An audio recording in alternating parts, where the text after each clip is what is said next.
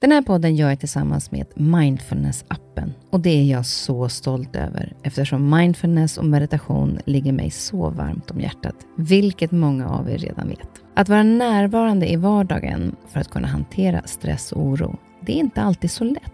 Då kan man ha mindfulness-appen nära till hands för att hjälpa dig när du behöver. För mig kan det vara så till exempel när det gäller sömnen, att vissa dagar då har jag riktigt svårt att komma till ro. Framför allt när det är mycket med jobbet. Då brukar jag använda mindfulness-appen och avsluta dagen med en avslappningsövning för att sänka stressnivån. Det gör det så mycket lättare för mig att somna sen. Oavsett om du kämpar med sömnlöshet, stress eller bara behöver en stund för dig själv så har Mindfulness-appen verktygen för att hjälpa dig att slappna av och sova bättre. Appen är utformad för att passa in i din livsstil med korta övningar som passar även de hektiska schemana. Som lyssnare till Nyfiken på så får ni 40% rabatt på prenumerationen av Mindfulness-appen. Länk till erbjudandet ja, det hittar ni i poddens Instagram, kaspersen nyfikenpa. Eller så går ni in på themindfulnessapp.com kristin. Välkomna till min podd Nyfiken på. Här får jag chansen att möta människor som jag är nyfiken på utifrån deras historia, kunskap och erfarenheter. Människor som jag inspireras av och förhoppningsvis kan vi med det inspirera er. Tack för att du är med och lyssnar. Kristina Andersson är näringsfysiologen som pratar om vikten av att hitta balansen i kosten och att vi månar om att lyfta blicken och se en hållbar kosthållning. Kristina har skrivit 16 böcker och är en väl anlitad föreläsare och har nyligen skapat en digital utbildning inom grundläggande kost och näringslära som kommer att finnas inom kort på hennes hemsida kristinaandersson.se. För några veckor sedan var hon här och pratade om hur kroppen reagerar på socker och hur vi kan försöka bli bättre på att hantera sockersuget. I det här avsnittet tänkte vi att vi skulle ta ett helhetsbegrepp nu när det är lite nystart och se kosten i stort. Hur vi ska tänka kring en hållbar kosthållning och hur vi kan tänka kanske lite grann när det gäller kost och träning och en massa annat.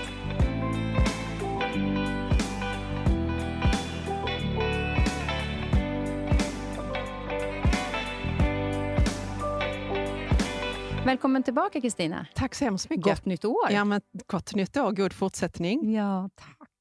Eh, härligt med ett år framför sig nu. Ja, eller hur? Jag vet ja. inte, jag gillar sånt här, eh, lite grann den nystartsgrejen. Ja, jag älskar det.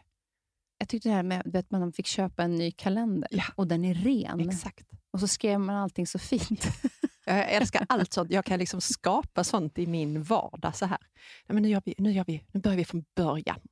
Och egentligen är det ju bara en, liksom, jag menar, det är ju inte, det är inte länge sedan det var Nej. liksom förra året och, och sådär. Men ändå liksom att det är det så här, en känsla av att det är lite det är rent. lite skönt. Man ah. får liksom lite kraft i det. Det är rent och fräscht. Exakt. Och nu tänker jag, nu är det säkert många som har... Eh, brukar du ha nyårslöften? Eh, jag har jobbat mer med så här teman. Mm, alltså jag sätter liksom som ett tema för ett år. Eh, mer så att jag ska bli bättre på att fokusera på någonting. Låt säga att eh, ja, men antingen om jag vill fokusera på något specifikt inom jobb eller jag vill fokusera på mer socialt eller detta året ska jag fokusera, alltså så, så att jag mm, liksom preciserar för mig själv vad jag ska liksom sätta mitt fokus på så att inte bara livet eh, liksom rullar på, utan då kan man tänka på så här, okej, okay, jag ska fokusera mer på naturen. Jag ska se till att liksom, ja, så man liksom ställer in pejlar. Liksom. Mm, men inte, inte, inte, inte löfte som man nej, kan bryta. Exakt, nej. Det, tyck, det passar inte min personlighet. Nej. Liksom. Nej, och jag tror att eh, jag, jag, är lite med dig där. Jag, det här med teman var faktiskt bra. Det har jag inte tänkt på att man kan göra, men det är ju faktiskt en väldigt eh, skön inställning mm. för mig. Alltså, det, den skulle passa mig. För Jag tycker många gånger att man har så... Det är oftast förväntningarna mm. som man har på och Det vet jag bara så inför jag vet, nyårsafton och så brukar jag alltid vara så här, Åh, det ska bli ett bra slut och bra mm. nytt år, för då blir året bra. Eh, den, den funkade inte för mig. Nej. För att jag kunde ha en jätte, alltså en halvtråkig nyår, men mm. hade ett jättebra år. Mm. Så att, men just det här att, att förväntningar, ta ner dem och försöka hitta liksom, saker som jag kan nå och att jag kan hålla mig kvar vid. Exakt. Du var ju, var ju här för, eh, precis vid första advent och vi mm. pratade dels lite allmänt kring maten och eh, kosten och sen så pratade vi framförallt om socker och sådär. Eh, och nu, vi kan repetera lite grann, för du är då näringsfysiolog och eh, pratar väldigt mycket näring, mm. alltså hur, hur vi ska få i oss bästa näringen. Om vi tittar på kosten i sin helhet, så summerar vi lite det som var för de som inte har hört det tidigare avsnittet. Hur, skulle du tänka, hur tycker du att vi ska tänka kring kosten i sin helhet? Alltså det är ju det vi vet. Eh, det är ju att vi behöver en massa näringsämnen, vi behöver få i oss och att vi ska få lagom mycket energi. För lite energi är farligt eh, och för mycket energi är farligt. Eller mm. farligt, det, det riskerar att bli farligt för oss båda två. Och det är ju egentligen det vi vet. Det ska bli lagom mycket energi, kalorier och det ska bli all näring. Eh, och det enklaste sättet att uppnå det, det är ju att ta sikte på de rena råvarorna, för det är ju där näringen finns.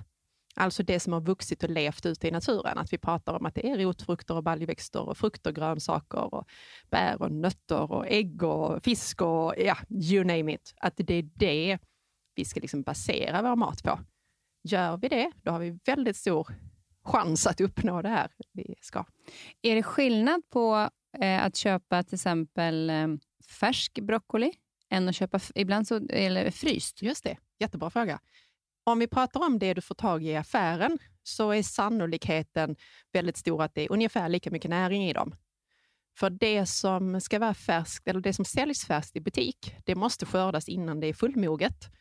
För att annars så blir det övermoget och riskerar att bli dåligt och ruttna. Och då har det faktiskt, dels kan det handla om att det inte har bildats alla näringsämnen, eller att den här, för i slutet av mognadsprocessen så bildas det ämnen som skyddar näringen. Så då kan det hända att de inte har bildats, vilket gör att liksom så näringstappet går snabbare. Medan det som då djupfryses, det väntar man till det är fullmoget och då skördar man det liksom och snabbt fryser ner det. Och den processen är väldigt skonsam. Eh, så kan det egentligen vara sundare? Alltså det är inte, det är, för jag har eh, faktiskt ibland tänkt att nej men jag ska köpa färskt istället för fryst. Exakt. Det, jag tror att det är många som har fått den bara för att vi har pratat så illa om frysmat. Och då är det många som har dragit liksom allt där och säger att liksom även frysta grönsaker och fryst frukt och sånt skulle vara dåligt. Eh, men det är det absolut inte, utan eh, det är jättesvårt. Och där har vi den att vi alltid hamnar i jämförelser. Vilket är bäst? Jag skulle vilja säga så här, dra ner dem på samma nivå och möjligtvis höja den frysta av framför allt matsvinnsaspekten. För vi slänger ju alldeles för mycket mat. Eh, och ur ett klimatperspektiv så skulle jag säga att det är den vi ska...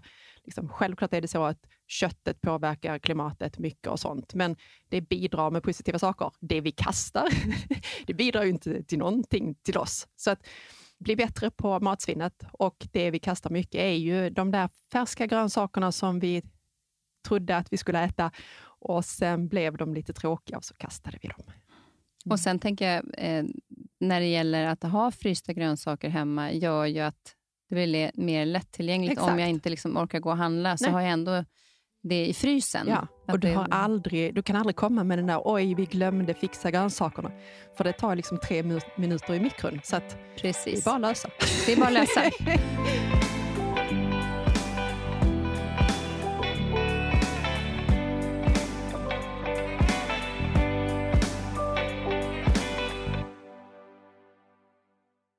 När vi pratar om att eh, få i oss näringen så mm. finns det ju många olika sätt att, hur vi äter. Och Vi ska säga det också att alla människor är ju olika och nu pratar vi ganska mycket generellt. Yes. Eh, vi har olika matvanor, vi har olika inställning till kost och så vidare. Det här handlar ju mer om liksom näringen och rekommendationer. Men att vi ska vara, som vi sa i förra avsnittet, att vi ska vara lite detektiv vad som passar för oss eh, själva ja. och inte jämföra oss med andra. Nej här är det de som då man tänker på hur man äter mm.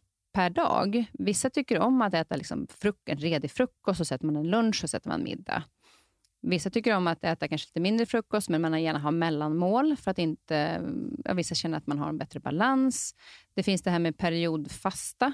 Jag vet inte om det kallas för mm. det, periodfasta. Ja. Att man eh, äter kanske först klockan 12 och fram till mm. klockan 8, mm. som en, ett, ett exempel av dem. Och de mår bra av det.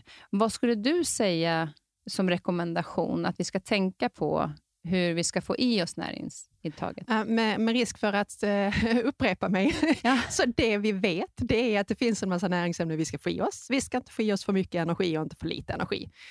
Uh, sen, utifrån det, så tycker jag det vi var inne på förra, veck- eller förra gången också, det är ju det här att vi tar hem det till oss själva och så tittar vi, liksom, okej, okay, hur bör jag lägga upp det för att jag ska uppnå det här?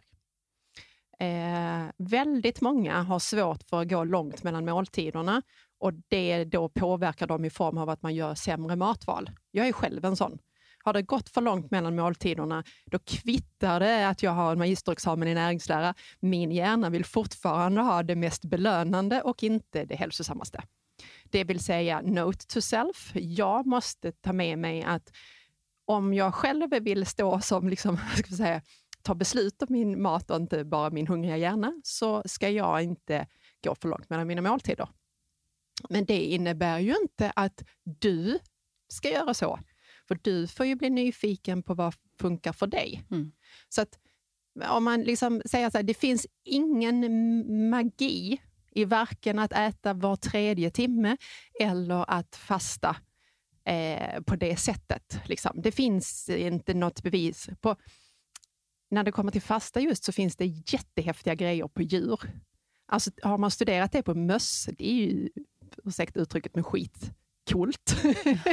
Hur det liksom, vi kan förlänga dess, deras liv och om man bara begränsar tiden de äter så kan de överäta utan att bli överviktiga. Och sådär. Det är ju jättehäftigt. Men vi är inte möss. Nej. Eh, nej. Det funkar ju tyvärr inte så hos oss människor. Så vi är tillbaka till att vad vi äter och totalintaget spelar roll. Så där får vi ta hem det till oss själva och återigen då inte bara snegla på andra, vad funkar för andra. Det kan ge dig eh, liksom uppslag Precis. Men, men... Ja, för som du säger, att du vill ha lite, äta lite mer ofta. Mm. Jag kan märka att, att till exempel, bara för att påpeka att, att det kan, man kan reagera Exakt. olika, att om jag låter mina tarmar vila lite, mm. eh, känns det som i alla fall, jag vet inte om det finns en sanning i det, men, men att vila lite och inte äta för sent på kvällen och, och börja äta lite senare på, på morgonen. Jag är dessutom inte så jättehungrig på morgonen när jag vaknar. Eh, så, så blir min mage lite lugnare. Mm. Att den inte behöver ta hand om mat hela tiden, känns det som. Så det, det, finns ju lite olika där. Exakt. Det viktigaste är väl att man då tittar på helheten. Hur mycket näring får jag ja. i mig och när ja. jag äter? Ja. Och det viktiga, och jag tror, om jag inte minns helt fel, att vi pratade om det sist också, att vi kan titta på det allmänna, liksom det stora hela och sen drar vi ner det till oss själva. Då måste jag utgå från vad känns bra för mig? Hur mår jag bra? Och det blir sanningen för mig.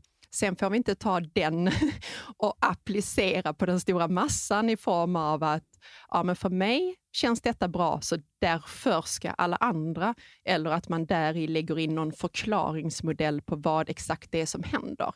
Utan att man liksom landar i att när jag gör så här, då mår jag bra och då når jag mina mål eller då ja, får jag i mig det jag behöver. Mm. Och där, där är en sån grej som nu till exempel efter den här julmånaden då som har varit, så, så kanske man har fått upp lite mera eh, sug efter socker och så. För mm. att eh, när man äter mycket socker så blir det väl att man blir lite mer extra sugen på det. Exakt, ja. Och för att kanske vänja sig av vid det lite och komma tillbaka till den normala balansen, så tar det ju några dagar. Mm. Eh, så det vet jag i alla fall de gångerna jag eh, jag brukar rensa då organen och rena mig själv ibland och det mår jag väldigt bra utav. Men jag vet ju att de första, när man dricker kaffe till exempel, mm. och så slutar jag dricka kaffe och så har jag ont i huvudet i typ i tre dagar och sen går det över. Hur mycket brukar man, hur lång tid, så att man inte bara tänker så här, gud vad det här var jobbigt idag, och nu skiter jag i det. Hur lång tid brukar det ta innan man liksom får bort de här lite ovanorna som man inte vill ha kvar, utan att man vill komma tillbaka till en mer hälsosamma ja. närings kostar? Jag skulle säga att det beror helt och hållet på hur du gör det. För tar du i för mycket, alltså äter för lite, tränar för mycket, vilket brukar vara ganska vanligt att man hamnar i här, då kommer det vara jobbigt länge. Liksom. Men om vi tar det där med den söta smaken och drivet åt det söta, så brukar det... Jag brukar ge de klienterna jag har jobbat med genom åren utmaning på två veckor. Två veckor utan någonting som smakar sött för att liksom, ja, komma ner i det här vanan av att allting smakar sött. Eh, och det brukar bara ta fem dagar, ska jag avslöja. och det vet jag från början, men poängen är lite det här att vi har siktat på två och de kommer bli överlyckliga när det känns lättare efter fem dagar istället för att den skulle tänka om det tog två veckor och så. Ja. Så då kan man bita ihop de där dagarna eh, när det är lite liksom halv... Ja. Eh, kan, tråkigt eller jobbigt, eller vad man nu tycker att det är. Ja, sen tycker jag ju kanske att om det är tråkigt, eh, då tycker jag du ska fundera på vad du gör. För du ska ju inte ha ett tråkigt liv. Nej, men just alltså, det, känslan det är att... Livskvaliteten i det ska ju finnas fortfarande. Eh, så då kan man ju bli lite nyfiken på vad man har satt upp för, liksom, vad gör jag? Liksom? Ja. Vad är min strategi? Eh, och Det kan ju handla om var vi riktar våra tankar. Ju. Tankarna är ju väldigt viktiga i det här. Exakt. Någonstans. Och inställning Ja, kanske. exakt. Är det verkligen maten jag ska kicka på? Eller ska jag kicka på andra saker i livet? Liksom? Och Tycker jag att det känns tråkigt så kanske jag kan tänka, eller är det att jag bara av ren vana tycker att det andra är roligare? Exakt. Eh, och vad ger det här mig? Ja. Och när jag förstår vad det ger mig så blir det inte tråkigt ja. längre. Jag kan ju säga att jag brukar ju, det är ju rätt häftigt och jag tror de flesta, jag hoppas att de flesta känner igen sig i det här. Om man har eh, råkat halka ur det här med sin träningsvana, som händer ibland, och sen kan det ju nästan räcka, och så känner man sig så lite, man kanske känner sig lite sunkig, alltså så här. och det kan ju nästan räcka med ett besök på gymmet. Sen helt plötsligt så känner man så, oh, nu, nu så händer det grejer. Och det har ju inte fysiologiskt ändrat någonting, utan det är ju liksom väldigt, väldigt mycket mentalt. Och jag kan ju nästan uppleva det också till exempel nu efter jul. Man har ätit eh, klassisk julmat mycket. Det är mycket fokus på liksom så här, ja, men kött och korv och protein och så. Kanske inte så mycket grönsaker som vanligt. Och så fyller man, liksom, när jag då eh, liksom så fyller på förråden igen hemma, så här, massor av grönsaker. Det räcker ju nästan att handla in dem så känns det ju hur bra det är för kroppen. och då har det ju egentligen inte återigen, det har inte hänt någonting, utan det är ju ren liksom, ja, så den effekten ska vi ju inte förringa, att det känns bra att göra bra. Mm. Och också komma ihåg, eh, när man gör, när mår jag bra mm. och hur känns det? Exakt. Alltså så här, att, ja. komma ihåg det. Så när vi, men om vi tittar tillbaka till eh, helheten i kosten så är det ju många som pratar om det här med, som du var inne på nu, grönsaker, proteiner och kolhydrater mm. och så. Hur ska man hitta rätt balans där för att få en... en nu, nu är det såklart olika eh, beroende på om du tränar jättemycket eller om du... Så här, men, men om man då... Ett genomsnittligt tänk. Ja, om vi tar bort ytterligheter, ja. och då tänker jag att det är ju framför allt de som då gör av med väldigt mycket energi. Vi brukar prata om högenergiförbrukare och det är ju till exempel elitidrottare och idrottare som tränar väldigt, väldigt mycket och har stor muskelmassa. Liksom. Eh, också så tar vi också nu för enkelhetens skull bort liksom, sjuka som kan behöva äta på olika sätt på grund av sin sjukdom och så tittar vi på det, liksom, den stora massan. Mm. det som våra kostråd till exempel vänder sig åt. Så, så är ju fördelningen mellan kolhydrater, fett och protein, det är liksom inte det det kan man ibland få för sig när det skrivs mycket om det, att det ska vara någon, eh, liksom, att det är viktigt hur exakt den ser ut. Men det är inte så relevant egentligen, men däremot så behöver vi alla delar. Jag brukar tipsa om att man kan tänka att varje gång du ska äta någonting så ska det vara en kolhydratkälla och då pratar vi om rotfrukter och rispasta, eh, spannmålsprodukter, fruktbär och så vidare. Det ska vara en proteinkälla, kött, fisk, fågel, baljväxter, eh, tofu, corn och så vidare. Det ska vara en fettkälla och det ska vara grönt på tallriken. Så att liksom, utan att så veta egentligen så hur många gram av det och hur det ser på det. Om man bara liksom tar med sig det varje gång man äter. Och sen är det ju inte hela världen om det inte blir så exakt varje gång, men att man har det som liksom så här. Eh, man stämmer liksom av när man tittar på sin tallrik. Okej, okay, är jag här? Har jag checkat av det här? Ja, bra. Och där, där nämner du också, vilket var bra för de som också är vegetarianer som inte äter kött, och så, ja, att det finns ju tofu och, och ja, korn och sånt där som, som fyller den funktionen. Ja.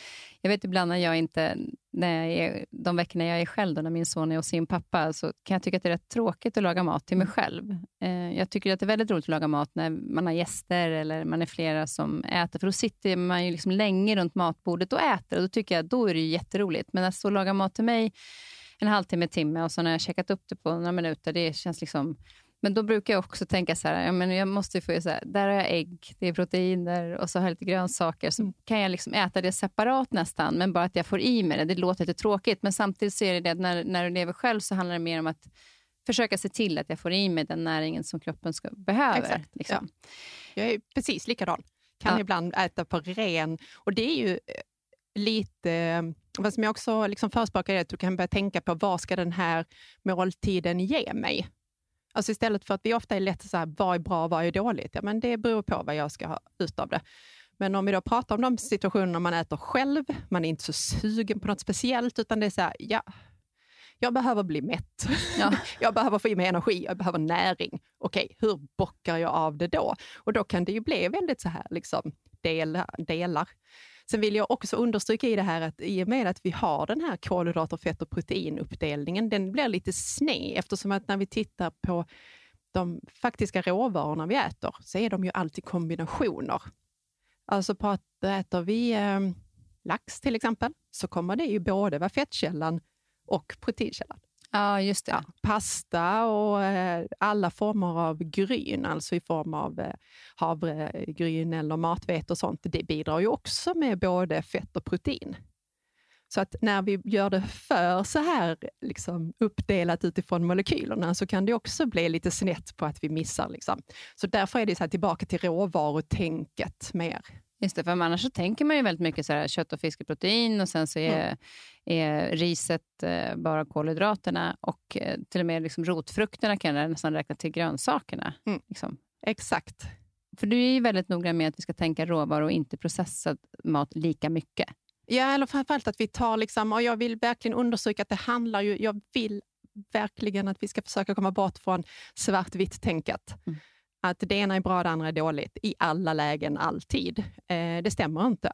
Men att vi liksom tar sikte på att så mycket som möjligt består av de här rena råvarorna.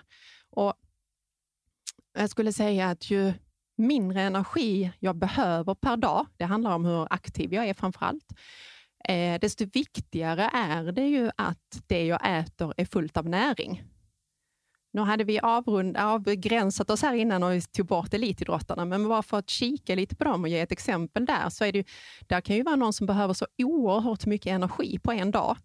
Att försöka få det från liksom de här rena råvarorna, det kan bli jättesvårt, för att det mättar för bra. Så där kan man liksom behöva liksom så här tulla lite på det som vi klassiskt säger är det, liksom det nyttiga och det hälsosamma, för att det går inte ekvationen Nej, går inte ihop. äta den, den mängden mat Exakt. för att få i sig... Å andra sidan så eh, har de ju sånt stort matbehov så att alla deras kalorier så att säga behöver ju inte komma paketerade med näring. De har ju utrymme för en massa liksom, tomma kalorier. Och vi tar det enkelt. Om någon behöver 6 000 kalorier per dag så kan de ju lägga, de kan ju lätt få i sig all näring man behöver på 3 000 och sen i stort sett äta 3000 som bara ger energi. Mm. Medan en person som bara behöver 2000 per dag har ju inte råd att kasta bort hälften av de kalorierna på tomma kalorier, för då får man för lite näring. Ja, just det. Så vi kommer tillbaka till näringen där, att se till att det är näringen som vi egentligen ska fokusera på. Exakt. Eh, och att vi får i oss den. Ja. Och sen behöver vi extra, så kan man titta Exakt. på det andra. Ja. För det, det, det som vi sa också i förra avsnittet, att processad mat behöver inte vara dålig, utan det Nej. är bara att det är klart att det, det kan komplettera liksom den, de råvarorna du äter. Mm. Men, men bara processad mat. Nej, då finns det stor risk att det blir för lite näring och att du har svårt att hålla dig mätt på tillräckliga mängder. Det vill säga att det är mycket lättare att överäta hårt processad mat. Mm. Vi är ju i en, lite grann en nystart nu som vi pratade om och vi, vi tycker att det är då väldigt härligt. En, en, för att titta på att få det här hållbart. Du har ju varit ute och föreläst jättemycket och du möter väldigt många människor som har eh, många frågor. Om man tittar på den största utmaningen när det gäller kosten, eh, vad skulle du säga att du möter för frågor mest när det gäller det? Alltså den, vilken utmaning har men det är ju att få till det i vardagen. Liksom. Eh, är det ju. Och jag tror ju att många gör det för svårt för sig. Att det är där problemet ligger. Hur, hur man tror att det är svårare. Man tror att det är mer komplicerat. Det är jättebra med all hälsoinspiration som finns, men ibland kan det, vi göra det för liksom, komplicerat i det och så glömmer vi bort att en, en måltid med potatis, lax och ärtor det är också rena råvaror och väldigt näringsrikt. Alltså att vi behöver liksom inte slå knut på oss själva. Nej, och det, det, har också kanske blivit lite grann fokuseringen kring kosten ja, och hälsan och så, ja. som gör att vi vi slår knut på oss själva lite grann ja, i det. Ja. Eh. Så dels få till det så alltså att man gör det för svårt att förstå att det är mycket enklare. Liksom börja titta kanske på det ni redan äter och se hur man bara kan göra justeringar i det. Sen är det ju det klassiska problemet i vår tid. Och det är ju tid. Jag hinner inte. Man har en föreställning om att det tar lång tid att äta hälsosamt. Och det behöver inte Nej. vara? Nej. Just när du säger det här med att, att vad man ska lägga till och sådär. Eh, jag vet när, när jag hade barn så var jag lite så förtvivlad över, de gillar ju då ofta så här, ja, men det är bara falukorv och makaroner och eh, gärna ketchup. Och det är ju inte kanske jättemycket näring. Det finns en del näring som man vill lägga mm. till. Och då var inte mina barn jättesugna på grönsaker. Men då var det någon som gav mig tipset att om du ger dem, för de gillade morötter, om du ger morötterna innan de äter, så ställ fram morötterna medan du lagar mat. Då visste jag att han hade fått i sig eh, lite grönsaker. Ja. Och sen fick han sina makaroner och mm. köttbullar. Mm. Så det finns ju olika sätt, det gäller ju barnen, men det finns ju olika sätt man kan... Det betyder inte att man behöver ta bort det han tycker om, Nej. men man lägger till det Exakt. som är lite bättre. Och Jag skulle säga, det gäller inte bara barnen. det kan behövas till vuxna också. Just det där att vi har det vi vill göra. Just grönsaker och barn är ju en klassiker, liksom, att vi trugar på det. Och där finns ju också liksom det här att vad vi paketerar maten med och det kan ju bara handla om tankar. Att när vi liksom laddar det med någonting som är ett måste eller så, då eh, njuter vi faktiskt inte lika mycket av maten som när vi laddar det med att det är härligt. Och Då kan vi bara tänka så här, vad äter vi när det är härligt? Jo, men då är det kanske den onyttiga maten. Man äter extra liksom på fredagen och lördagen och så tyckte man att det blev lite för mycket och då liksom på måndagen så bara, nej nu, nu, nu får vi skärpa oss, nu får det bli grönsaker. Och då har man ju liksom nästan redan sagt att det är tråkigt, det vi gör nu. Det är rätt ja. märkligt hur vi liksom laddar Verkligen. det så. Vi lägger över saker ja, på våra barn. Eller att vi då till barnen säger att det här måste du äta. Eh, liksom, då blir det mindre intressant istället för att det bara finns där. Och där pratar man ju också mycket om så här, att om de får vara med och liksom skära eh, och ha tagit, det verkar finnas, och det är superintressant, det verkar finnas någonting i det här liksom att verkligen ha tagit i maten. Och Det är därför man inte ska vara, alltså barn leker med mat, låt dem göra det. Det kan faktiskt göra att de kommer att äta bättre. Mm. För när de får vara med och ta i maten, så kommer det också påverka hur de äter. Jag lyssnade på en föreläsare som eh, jag tror hon kom från Belgien. Nu kommer jag inte på exakt vad hon heter, tyvärr, för jag kom på det här nu. Men, men hon, hade gjort, hon gjorde mycket så olika experiment på saker och, eh, när det gäller kosten. Och Då var det just det att hon var så nyfiken på varför, liksom, varför är det så svårt för barn att äta eh, grönsaker. Och Då kände hon just det, att man har sagt måste och att det kanske då inte har det här söta, för jag menar, bröstmjölken är ju söt mm. och det är liksom mycket som är lite grann det söta som, som man får i sig när man är liten. Och Då hade hon, hade hon gjort ett experiment på ett gäng eh, sina barns kompisar på förskolan. Så hade hon frågat om de fick låna hem dem. Och så hade hon ställt fram massor av grönsaker på bordet. Och så sa de att nu ska vi skapa olika figurer av det här. Och Vi ska göra olika, kanske ett armband eller en häst eller vad man nu vill av de här olika sakerna. Och vi ska ha bara en sak som verktyg. Och Det är det bästa av allt. Och det är tänderna. Så då började alla barn att smaka på och liksom gurkan och så mm. försökte de göra ett armband av den och plötsligt så fanns det ingen gurka kvar för han hade käkat upp den. Då blev det liksom en helt annan grej. Och just det du känner att känna och ta mm. på, att det inte blev ett måste utan att det blev någonting som var lite mer lekfullt och skapande. Så då blev det att de automatiskt mm. smakade på de olika sakerna. Det är ju häftigt.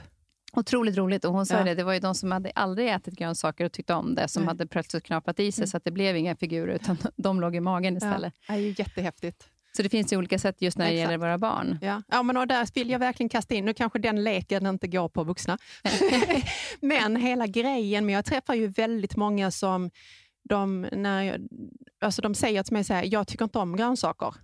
Och jag köper liksom inte riktigt att man, det finns ju jättemånga olika sorters grönsaker. Hur, de smakar ju annorlunda i min värld. Hur kan du ha liksom kategoriserat det så? Så när jag grottar lite i det så känns det som att de har fått det är nästan som att det är någon annan som har sagt det till dem. Och sen har de då dåligt samvete för det. Och sen har de nästan som att de har gjort det till, det har blivit en självuppfyllande profetia. Så när jag vänder på det och frågar sig, det finns, det, finns det någonting i den här kategorin som du kan tänka dig att äta? Och då brukar det nästan alltid komma något så här, ja men, eh, alltså spenat tycker jag ändå är gott. Och sen är liksom, bygger vi på det som faktiskt funkar. Och då går det rätt så snabbt att man byter och sen rätt som det så visar det sig att det finns ju faktiskt fler saker. Men att man har blivit så matad med att oh, du äter inte tillräckligt mycket grönsaker eller du varierar inte tillräckligt mycket, så har det liksom blivit en, en negativ grej istället för att föda det man faktiskt gör. Ja, och se det man tycker om och Exakt. utveckla det därifrån. Exakt. Ja, det är ju lätt att vi fastnar i ett visst fokus när det gäller mat. Ja. Eh, och Det är väl det som vi försöker här lite grann tänka på, att försöka hitta den här balansen som jag vet att du förespråkar mycket, och den här, att komma till de här hälsosamma kostvanorna. Det blir lite grann, om man tittar på om man säger hälsosamma kostvanor, så är det egentligen två olika saker. Alltså mm. Det är hälsosam kost mm. och det är hälsosamma vanor. Yes. Hur skulle du eh, beskriva de två? Ja, men, eh, hälsosam kost är ju väldigt, liksom, vad ska man säga, det, det kan ju bli väldigt molekylärt. Liksom. Ja. alltså så här, det, det är återigen de här ämnena vi ska få i oss och så vidare. Medan hälsosamma kostvanor, det blir ju så mycket större. Det handlar ju också om vad är det som driver dig till att äta det? Eh, du kan ju äta på pappret väldigt hälsosamt, alltså du bockar av allt man behöver och du stoppar inte i dig någonting man inte behöver. Men det blir inte hälsosamt på grund av anledningen till att du gör det. Att, liksom, att du kanske drivs av demoner, liksom. alltså att du har så mycket liksom, förbud och du styr dig och du mår dåligt om du skulle råka äta någonting onyttigt och sånt. Och då skulle jag ju säga att då är det ju kvittade hur näringsrikt det är som ligger på tallriken. För då är det ingen hälsosam kostvana för att det är liksom tankarna kring det som gör det mindre hälsosamt. Och sen kan ju någonting som då inte är 100% näringsrikt på tallriken tvärtom vara väldigt hälsosamt för att det är laddat på rätt sätt. Liksom. Att det faktiskt är helt borta från eh, dåligt samvete och ångest och allt sånt som jag vill verkligen understryka, det hör inte hemma bland kost. Känner du som lyssnar att du har det så vill jag verkligen att du ska söka hjälp för det. För mm. att man ska inte ha ångest för vad man äter. Nej, och det är någonting, vi behöver ju näring för att, ja, för att leva. Ja. Och där är någonstans också det här med, med vanor, att, att eh, tanken kring att om vi nu äter eh, en, säg en kanelbulle, att den kanelbullen i sig själv är inte så farlig. Alltså om, om man tar en kanelbulle en gång, och, eller till ett fika, utan den kan bli ännu Äter man fler så blir det kanske inte lika bra. Men framförallt om du tänker kring den här kanelbullen, mm. att åh nej, jag skulle inte äta den. Exakt. Då blir den ju ännu mer ohälsosam. Men exakt. Än att man tänker att åh vad det här var gott. Ja. Det, här, ja. det här var för själen idag. Det finns ju liksom ingenting i det som vi kallar mat som är så farligt och dåligt att du aldrig kan äta det. Eh, och man kan egentligen inte säga, ja men man kan ju säga att ja, en kanelbulle den bidrar ju inte med jättemycket näring. Men då blir det ju så här, det beror på, som jag alltid kommer med, så här, vem är det det handlar om? Vad är syftet? Vad är målet? Hur ser det ut totalt sett? Är det det enda du ska äta? Nej, men då skulle jag direkt avråda dig från, nej, lev inte på kanelbullar. Mm. Äter du kanelbullar ibland? Ja, det beror på hur helheten ser ut. Och hur det i helheten är paketerat. Ja, men exakt. Vi pratade ibland eh, tidigare om att är, är sockret paketerat i en frukt så får du också mycket mineraler och näring. och, så Exakt. och Man kan också se det så här, är det paketerat om man tittar på hela dagen, Exakt. så är det ju, har du fått i dig massor med näring och ja. allt annat så, så är det ju ingen fara. Nej. För de allra flesta så behöver ju inte varje tugga vara helt späckad med näring. Och Vi ska också säga att alltså en kanelbulle den är ju ändå gjord på vete eh, och ägg och så vidare, så den är ju inte näringsbefriad. Nej. Liksom, där är ju näring i den, men man kanske inte ska äta det för i tron att Nej. få i sig näringen. Nej, kanske inte i tron att få Nej. i sig, men det ändå finns någonting där. Ja.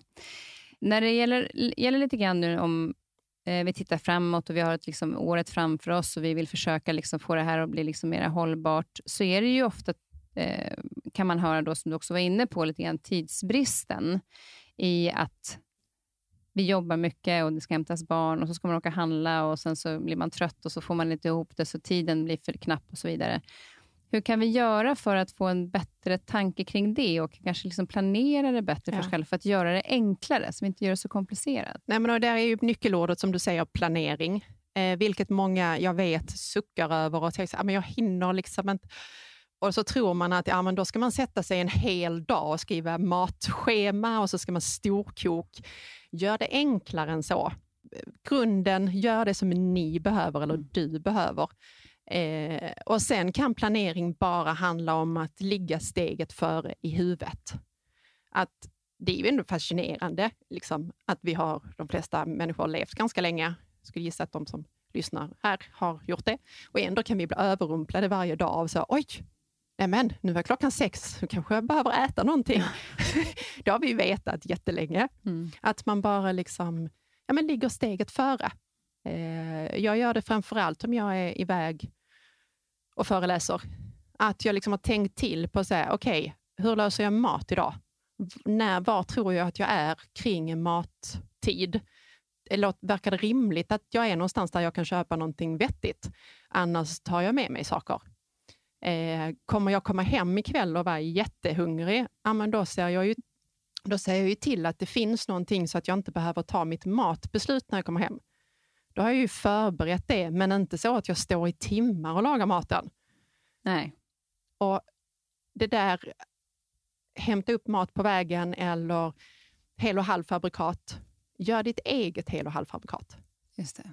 Alltså när du ändå är hemma, vilket de flesta ändå är, ja. dagligen, så kan man ju låta, liksom, ja, men man kan koka, om man är sån, att man kokar bönor själv, men annars liksom råris och alla sådana saker. Äter man kött och fisk, sånt gör liksom i ordning en hel laxsida, kycklingfiléer och så vidare i ugnen som får göras klara, inte för att du ska äta dem nu, utan för att de ska finnas lättillgängliga liksom, till framtiden. Precis den grejen med, med eh, laxsida gjorde jag när, när jag hade gjort lax hemma och sen så gjorde jag hela. Mm.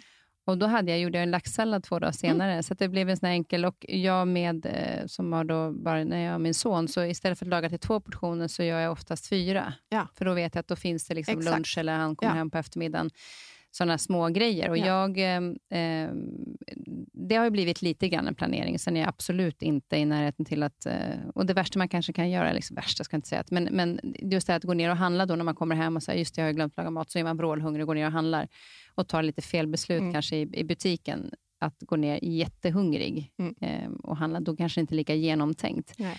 Däremot ska jag också säga att det här gäller då den generella gruppen. Eh, jag själv har ju haft ätstörningar, så jag vet ju att jag planerade ju vad jag skulle göra om dagen, mm. för att jag planerade min dag efter mm. tanken kring maten. Mm. Och där är det ju fel. Så den, den, den, den delen av, liksom, då ska man som du sa, man ta tag i den delen som gör att man har sånt mm. problem mm. och att ta hjälp i det. Mm. För att då kan planeringen bli fel. Exakt. Och jag vill bara nämna att den, den, det är inte den typen av planering vi pratar om, utan Nej. det är mer att göra det enklare i vardagen för den generella gruppen som har lite tidsbrist och för att få ihop en näringsrik kost. Exakt. Och att vi, precis, att vi återigen pratar om att vi utgår ifrån oss själva. Ja, exakt. Och den är väldigt viktig. Mm.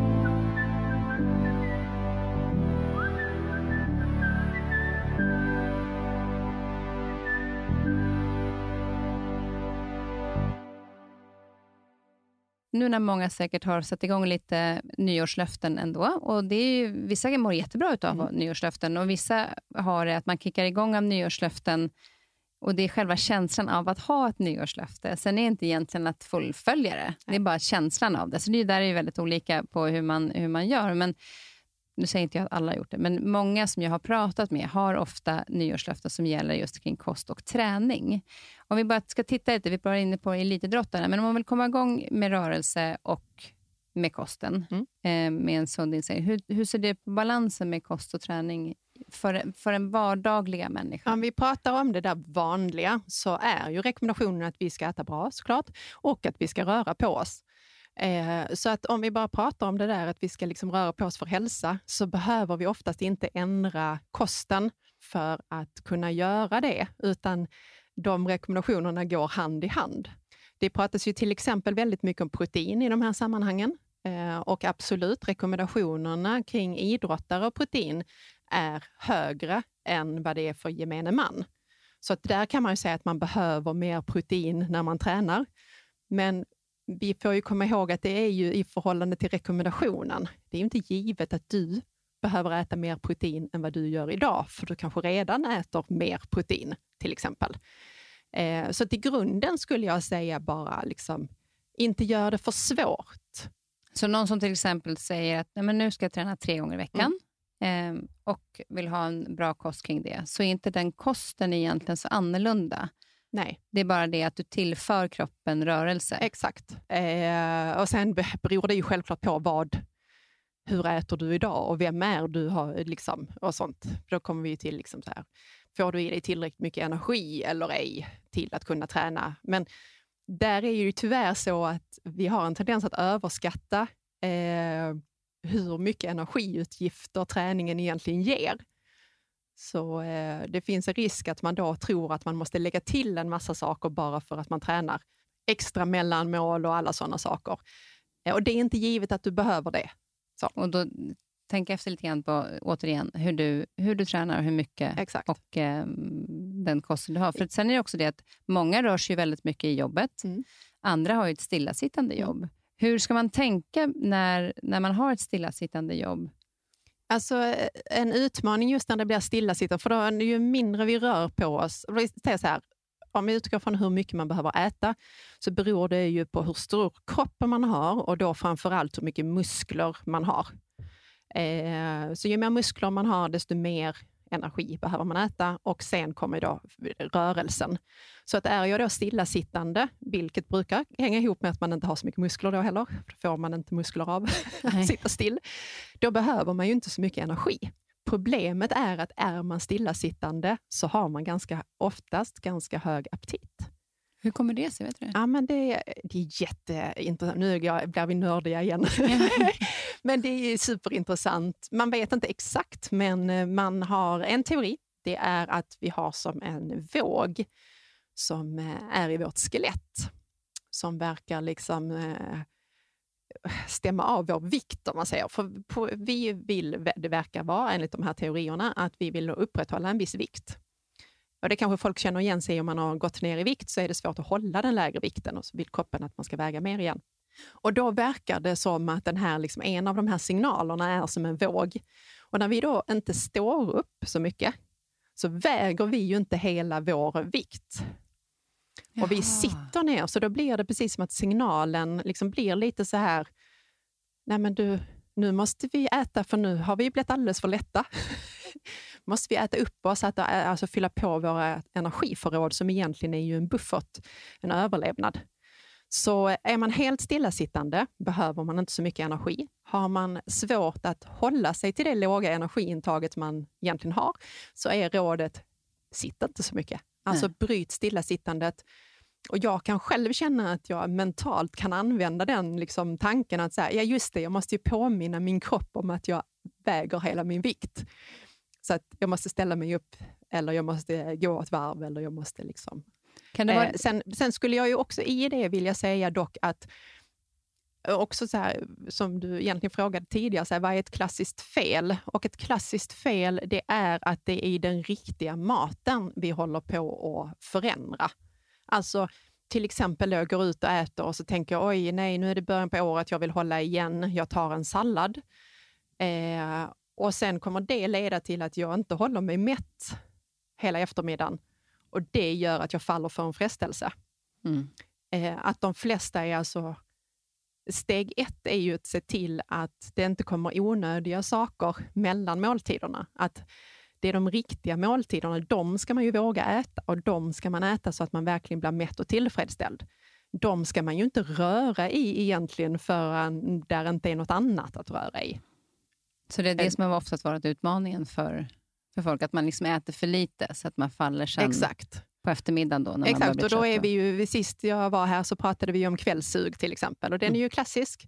Man håller igen på dagen för man tänker att man ska hålla igen på kalorier och sen när man blir trött på kvällen så kan man inte stå emot längre. Och då föll man för någon frestelse som fanns hemma.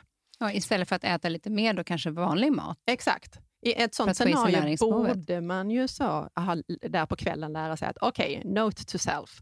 Idag åt jag för lite, så då går jag i skåpet på kvällen. Mm, jag måste se till att äta lite bättre imorgon så att jag kan hålla borta suget. Men de allra flesta gör ju precis tvärtom. nej shit, åh, nej nu tog jag glass här på kvällen. Oh, nej men då får jag äta, då kan jag nog hoppa över lunchen imorgon. Alltså, och då hör du själv hur vi är i en spiral där vi bara föder mer och mer av det här att falla för frestelser. Mm. Så. Istället för att tänka då att ja, det blev glass ikväll. Exakt. Okej, vad kan jag lära av det? Ja, det var gott nu, fine, men jag vill inte göra det varje kväll. Nej. Så då kan jag se till att jag äter mer imorgon på ja. dagen. Och se till att man äter riktig mat. Liksom. Våga, det, verkligen nu om ni nystartar vill jag säga det, våga äta den riktiga maten. Pilla liksom inte i den. och då menar jag liksom så här, frukost, lunch middag. Det ska vara riktig mat, det ska vara näringsrik mat. Är ni hungriga av er stora portioner, men av då rotfrukter och grönsaker och baljväxter och sånt som liksom ger massor med näring, men kanske inte lika mycket energi och mycket mättnad. Var inte rädd för den. Liksom. Nej. Och jag tänker på, jag har en kompis, han, han äter otroligt långsamt. Mm. Och jag kan äta ganska fort. Uh, och Han märker ju när han blir mätt. Mm. Medan jag äter på, och gärna tar lite till och så blir jag proppmätt istället. Ja. Hur mycket, alltså just det här med att äta lite långsammare ja. ibland. För Vi har ju en lunch och så ska vi hinna äta, mm. och så vill vi hinna kanske promenera lite innan vi går tillbaka och jobbar igen. Hur viktigt är det att man ändå liksom tuggar maten och liksom äter i lugn och ro? Alltså, ur ett mättnadsperspektiv är det ju viktigt. Eh, och där kan vi, vi kan ju backa tillbaka till att du egentligen, och det kommer vi nästan till det här med mindfulness, men att du reflekterar över att du äter. Jag skulle gissa att de allra flesta som läser tidningen på morgonen och äter mackor har varit med om situationen där man, liksom, man sitter och läser tidningen så sträcker man sig efter mackan och sen var den inte där. Och sen undrar man så här, vem har ätit upp min macka? Och det är för att man har ätit och inte tänkt på att man har ätit. Det är lite synd, för då tänker man inte ens på vad det smakar. Nej. Och då finns ju verkligen risken att du inte riktigt har registrerat det. Mm. Så att bara där, att vi liksom är medvetna när vi äter, kommer att påverka vår mättnad. Sen finns ju, sånt här finns det hur mycket liksom knep och tips kring som helst, men det finns faktiskt ett klassiskt knep här, just med det du är inne på. Och Det är att man ska, om man tenderar att äta väldigt snabbt, så att man ska äta tre tuggor, lägga ifrån sig besticken, för att sen kunna liksom ta på nytt så att man inte bara äter, äter, äter. Liksom. Ja. Att det gör han. Han lägger alltid, min bonusbrorsa sen, eh, ja. sen jag var liten. Eh, och han, det är så fascinerande. Han, han lägger alltid ifrån sig och sen sitter han och pratar och liksom och vi fasken inne på desserten och ja. han är helt fin med det. Men han sitter och varenda gång så lägger han ner besticken. Men det är ju ganska ja, jag tänker bara så här, rent logiskt så är det ganska skönt också för magen att kanske inte ja. allting kommer på en gång. Alltså egentligen skulle jag säga att den, eh, för de flesta personer som har problem med magen är det liksom mer viktigt att man tuggar maten ordentligt, att man inte sväljer ner otuggad mat med dryck och sådana saker. Men om vi, vi liksom bortser från alla som har problem eller sjukdomar och sånt, så är, fixar vår mag-tarmkanal väldigt mycket. Alltså, det är inte jätteviktigt ur den aspekten hur snabbt vi äter, utan då är det nog mer upplevelsen. Mm. Eh, men sen ska vi säga att det här är en klassisk sån här sak som man kan vända å ena sidan och andra sidan. För de här knepen, att få mer mättnad på mindre, färre kalorier, det är ju någonting som överviktiga ska ta till sig av. Alltså att se till att så här, fyll tallriken med grönsaker, ät långsamt och så vidare. Har vi personer som kanske tvärtom, jag menar allt handlar inte om viktminskning, det kan ju handla om viktökning. För om man tänker att en, en, eh, person som ska gå ner i vikt ska försöka bli mätt och sluta äta innan den har fått för mycket energi i sig. Då kan man äta långsammare och allt sånt där.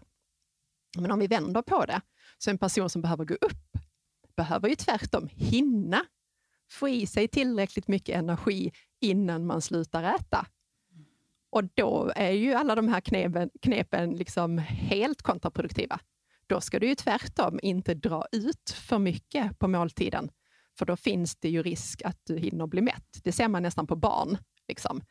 Börjar ja, de leka det. för länge så deras lilla mage, då blir de mätta och ointresserade. Liksom. Man får nästan ibland kan behöva liksom skynda på det istället. Mm. Så det är typiskt sån här som vi får säga, det beror på vem är det. Som... Och det då tänker jag att, att man kan titta på när du äter, så smaka det du äter och ja. känn vad gott det är. Exakt. Alltså den här näringsrika maten och vad bra det gör med kroppen. Mm. Att, att faktiskt eh, samtidigt njuta av det så att du tänker på mm. att det faktiskt är något som är gott och att det ger dig näring. Exakt. Så blir det ju just en, en sundare inställning till det och inte göra det så komplicerat Nej. som vi varit inne på förut. Vi har några, eh, förra gången så, när vi var här så sa vi att vi kunde gärna ta emot lite kommentarer och lite frågor på Instagram och vi har fått några frågor som jag tänkte vi skulle ta nu i avslut. Och mm. Det är kost och återhämtning från utmattning. Finns det något att tänka oh. på där? Eh, jättebra fråga. Kan bero på om man kan behöva grotta mer i det. Jag skulle vilja framförallt uppmana, var snäll mot dig själv. Ge dig själv en liten break. Självklart är det så att det är viktigt med den näringsrika kosten, men i de här lägena är det ju viktigt att det inte blir en press. Liksom. Så gör det enkelt. Eh, att få i sig energi är jätteviktigt i de här lägena. Eh, så liksom nästan äta är prio ett och det du kan få i dig. Och sen ju bättre du kan, liksom, ju mer näringsrikt, desto bättre såklart. Ja. Ta hjälp av folk som kan, om det är så att det är jobbigt, ta hjälp av folk som kan hjälpa dig att fixa maten. Eh, utgå från vad du kan tänka dig att äta. Kanske jobba mycket med smoothies och sånt där man kan proppa med mycket näringsrikt. Mm. Men eh, framförallt sänk ambitionsnivån på att maten behöver vara så himla perfekt. Liksom. Så att inte det blir en... Nej, någonting uppe på Exakt. det andra som, som är tufft. Bra, och sen så har vi en fråga som handlar om vad ska man tänka på när man är glutenintolerant och inte äter kött. Den här kvinnan är då eh, 55 plus och säger att hon har lätt att gå upp i vikt även om hon rör sig mycket. Mm. Eh, jag skulle, där skulle jag vilja passa på att slå ett litet slag för faktiskt att här kommer ju det här med proteinet in. Eh, och Det är ju att vi tappar muskelmassa när vi eh, åldras. Nu menar jag inte att man är gammal när man är 55, men eh, det börjar liksom tidigare än så, att vi börjar tappa muskelmassa. Och den vill vi måna om. Liksom. Så att se till att man får, och den proteinrik mat mättar ju också väldigt bra. Så vi vill ha dubbel effekt av det. Så det är ju bra då om man tenderar att man har svårt att hålla nere vikten, svårt att bli mätt, ungefär som vi pratade om precis. Så att se till att det blir, även om det inte blir kött, så att det blir annan proteinrik kost. Ehm, så att man inte halkar i det här att blir det veganskt så blir, eller vegetariskt så blir det liksom utan någon proteinkälla. Använd fisken eller använd korn och mycket baljväxter och sådana saker. Just det, för att, för att, eh, och det handlar om just det här med, med musklerna? Då, att de, med muskelmassan, exakt. Du vill ha, ha den för förbränningen och du vill skydda din muskelmassa när du åldras för skydd mot sjukdomar och sånt. Mm. Bra, och sen har vi, vilka är de farligaste fällorna när man tror att man äter nyttigt? Oj, det är ju jättemånga. Det kan ju, jag skulle ju bara dels kan man ju ha missuppfattat det helt och hållet. att man, det finns ju jättemånga produkter på marknaden som marknadsförs som eh, nyttiga och hälsosamma, eh, men som kanske då inte alltid är det. Eh, men framför allt så skulle jag ju säga att risken är att man tar i för mycket. På vilket sätt? Alltså att, man, att det, i, eh, i jakten på att det ska bli nyttigt och hälsosamt så blir det onyttigt. Alltså att det blir över... Man tar bort för mycket från sin kost till exempel. Att man blir rädd för de här detaljerna som egentligen var, var framför allt inne på förra gången. Ju. Att, att man, man, är rädd för sockret och så ja, struntar man, man i frukt? Exakt, mm. att man liksom tar bort för mycket. Att man tror att är och näringsrikt, det är avsaknad av och så kan vi liksom eh, tillsatser, socker, gluten, alltså you name it. Liksom. Att man, har, man drivs av en massa saker man vill undvika istället för att drivas av en massa saker man vill se till att få i sig. Så fokusera på det som du vill få i dig, Exakt. Eh, som ja. är näringsrikt. Ja. Mm. Bra. Här är en kort och eh, koncis fråga. Vit eller mörk choklad? Ja, det beror ju på vad man frågar. Frågar du vad jag tycker är godast så är det ju äh, mörk. Förmodligen då vad som är mest eh, Ja, jag förstod det. Jag vill bara visa att ja, allting alltså, beror på vilket perspektiv man sätter. Precis. Men eh, det är ju så att om, om vi ska räkna choklad som hälsosamt så är det kakaon den handlar om. Vit choklad innehåller ingen kakao. Det vill säga kan inte få några som helst Eh, poäng för det där att, att choklad skulle vara hälsosamt, utan då är det hög kakaohalt som gäller. Och som vi pratade om förra gången så är det också att mörk choklad är inte lika söt, vilket gör att man inte eh, sätter igång det sötsuget på samma sätt. Exakt. Så att eh, kroppen luras av det här lite beska och sånt som i naturen inte är någon man vill ha mer utav. Exakt. Så därför kan mjölkchoklad vara bra att ta ja, av den eh, för att ta ja. någonting som är gott och lite sött, men man inte överkonsumerar på mm. samma sätt lika lätt. Hur hanterar man blodfetter i kostväg om man inte vill äta en massa mediciner? Eh, bra fråga. Eh, jag vill nyansera den, att eh, ibland kan man behöva mediciner. Allt går inte att lösa med kost, vill jag verkligen understryka. Men det finns ju faktorer i kosten som eh, kan påverka blodfetterna. Det handlar bland annat om att vi väljer rätt fettkällor, att man ser till att de kommer ja, från olivolja till exempel, eh, fet fisk, att vi tänker att det är mer av de omättade fetterna och de kommer då framförallt från växtriket eh, plus fisk. Och Det är inte, återigen så här, det är inte allt eller inget. Du blir inte beredd för smör, du ska inte bli rädd för grädde, men om du tittar på din, hela din kost så ska den mesta mängden fett komma från avokado, nötter, och olivolja och fet fisk och så vidare. Och en mindre andel från smör, och grädde, och ost och sådana saker och kött. Det är en sak. Eh, sen eh, överhuvudtaget mycket grönsaker. Eh, det är där klassiska. vi vill ha mycket fiber, eh, kommer att påverka blodfetterna indirekt åtminstone. Mm. Eh, sen eh, vet vi ingenting om i det här sammanhanget, men vikt är ju också en sån, mycket fett på kroppen, alltså, eh, kan vara negativt. Så att man kan eventuellt jobba med viktminskning om det kan vara aktuellt. Mm. Fysisk aktivitet. Psylliumfrön måste jag slå ett slag för också i det här specifika sammanhanget. Och vad gör det? Eh, ja, men det hjälper till att kunna sänka eh, kolesterolvärdet. Jaha. Det, ja. För det, det har, jag, det har jag bland i när, jag inte, när inte magen riktigt Exakt. Eh, alltså, fungerar. Alltså, ja, eh, om man vill lite... försöka kunna Exakt. gå på toaletten. Ja, och, och den är nu blir det detaljer, men den, eh, det kan ju hjälpa till att få faktiskt perfekt konsistens på avföringen. Mm. Det vill säga, är du förstoppad så kan det lätta lite och går det lite för snabbt så kan det stoppa upp lite. En bra sak att ha hemma. Exakt, och jättebra sak att eh, om man äter gröt till exempel, att alltid ha lite psylliumfrön i gröten eller kör man müsli istället så har man det där i eller bakar in det i brödet eller Ja. Vad har det mer för funktioner förutom det? Då, som du... alltså det är fibereffekten egentligen vi vill åt och den i sin tur då har alla de här positiva effekterna. Perfekt. Och Sen har vi sista frågan här som är en lite längre fråga och eh, har lite grann med, du har ju varit med och jobbat med Biggest Loser, mm. eh, så de som hör din röst och känner igen den, så är det därifrån. Det kan vara därifrån, ja. ja. Eh, så här skriver en tjej. I vetenskapens värld har jag lyss, eh, så det händer mycket kring, hon hade läst i alla fall att det händer mycket kring stor viktminskning och en snabb sådan, hade hon mm. läst i vetenskapens värld.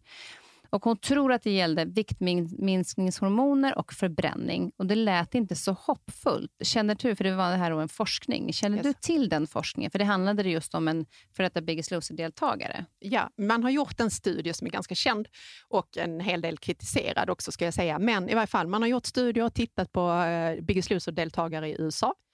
Och så tittar man på vad händer efteråt, vad händer med deras förbränning. Eh, och som jag var inne på tidigare, så det som bestämmer vårt energibehov, vilket då egentligen är vår förbränning, så baseras det på hur stor kropp vi har, hur mycket muskler vi har och hur mycket vi rör oss. Det vill säga att man kan räkna på det, liksom, för en uppskattning. Eh, och när man går ner kraftigt i vikt så minskar muskelmassan. Så att de här personerna eh, tappar ju då i ämnesomsättning. Det är helt logiskt. Men när man sen har räknat och kontrollmätt så har det visat sig att de tappar mer än vad man kan härleda till tappet i muskelmassa. Hur menar du? De alltså för att de, går man ner kraftigt i vikt, eh, som Biggest Loser-deltagarna eller andra som gör motsvarande resa, så eh, minskar muskelmassan och ens förbränning sjunker. Det gör det liksom hos alla. Mm. Och Det kan vi då koppla till muskelmassan minskar, då minskar det så kallade BMR. Och Det kan man då räkna på. Man kan räkna på muskelmassa och man kan räkna på fysisk aktiviteten. Men hos de här så insåg man då när man mätte deras faktiska förbrukning att den var ytterligare några hundra kalorier lägre. Och där är ju så här, vad beror det på? Ja. Det vet man inte. Utan vad man då har konstaterat är att här, här är ju en diff och då kommer vi till frågetecken, vad är detta för någonting? Vad beror det på? Och det har man än inte kunnat liksom förklara. Det finns de som kritiserar den här studien och säger att ah, men det är inte att den här diffen finns inte, utan det är liksom dåligt gjord studie eller sådana saker. Men Eh, det finns ganska många som har intresserat sig för det här. Att det, det tyder på att det är så, att vi kan riskera då att få ett lägre ämnesomsättning när vi går ner kraftigt i vikt. Och då kan vi bara ta det samtidigt med, ehm, med den här typen av eh, viktminskning eller så, om man är då väldigt överviktig och går ner i vikt. Att, att, eh, för jag, jag jobbade också med Biggest Loser. Mm. Och det vi satt och pratade om ofta då när jag var ute bakom kameran, det var just det här liksom planen efteråt. Att liksom, ja, är man mycket överviktig och vill minska, så kanske man har lagt upp en tidsperiod, som den här då Biggest Loser till exempel är.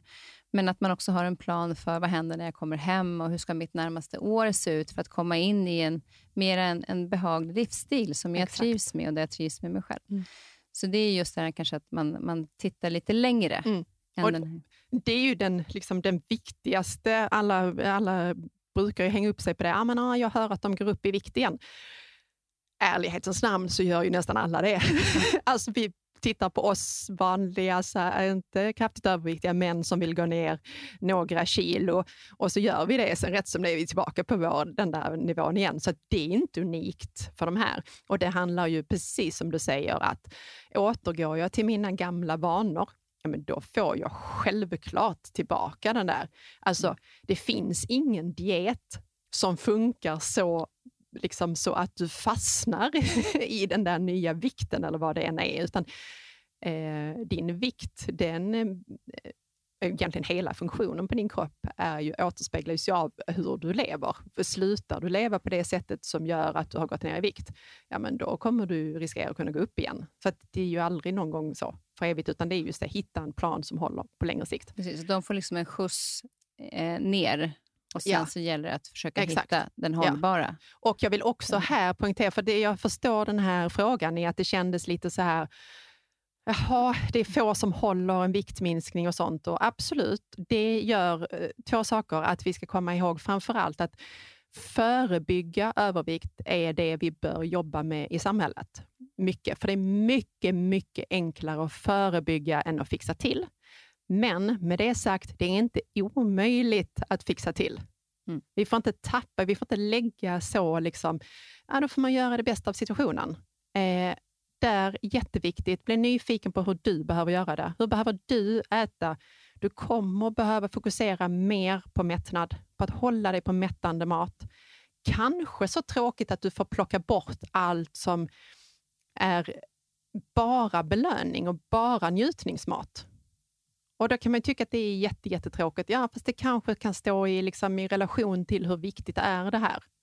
Ja, och du, du kanske till och med mår bättre i dig själv, alltså generellt ja. eh, genom det. Och sen när man kan eh, äta njutningsmat ibland. Men det där som jag kan tycka är lite svårt egentligen med när det gäller kosten. För att de som de som har eh, alkoholproblem, de kan ju liksom sluta helt, mm. eller kan, nu ska jag inte säga att det låter enkelt, men jag menar de kan jobba med det och så kan man välja bort alkoholen. Ja. För den behöver du inte för ditt näringsintag. Nej. Men de som har problem med kosten, så blir det mer komplicerat eftersom vi behöver äta för Exakt. att få i oss näring. Mm eh, och överleva. Mm.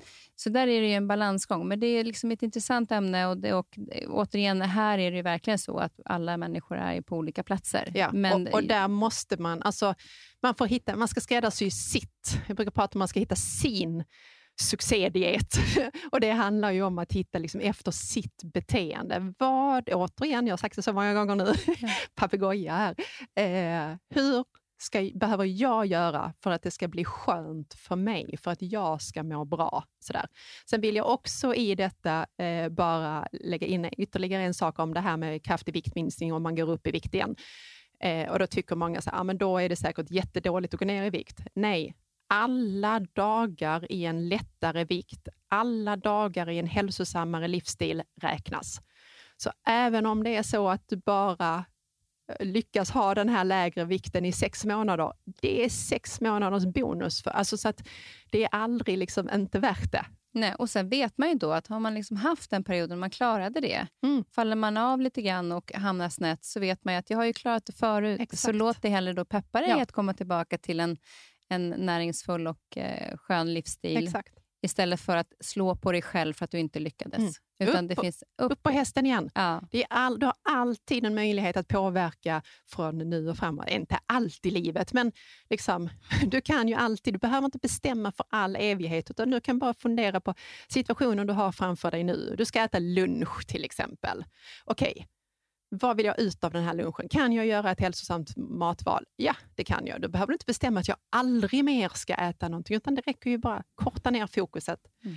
Och vill du minska risken för att du ska få den här minskade ämnesomsättningen när, om du gör en viktminskning, så är ju regeln att inte gå ut för hårt. Den kommer ju hårdare du kör på. Alltså, ät inte för lite och träna för mycket, utan gör det på ett liksom mer balanserat sätt. Låt det ta lite tid. Vad bra!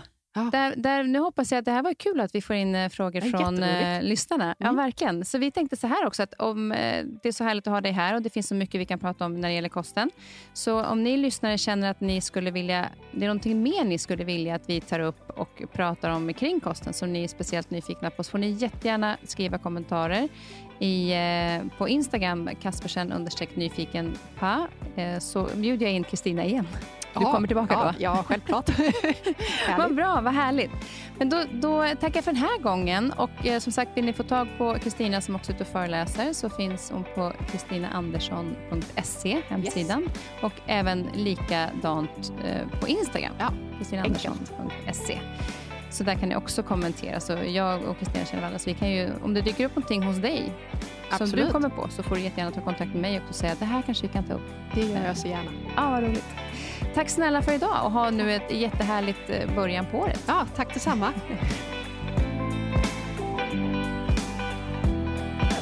ja, vi kan ju prata hur länge som helst.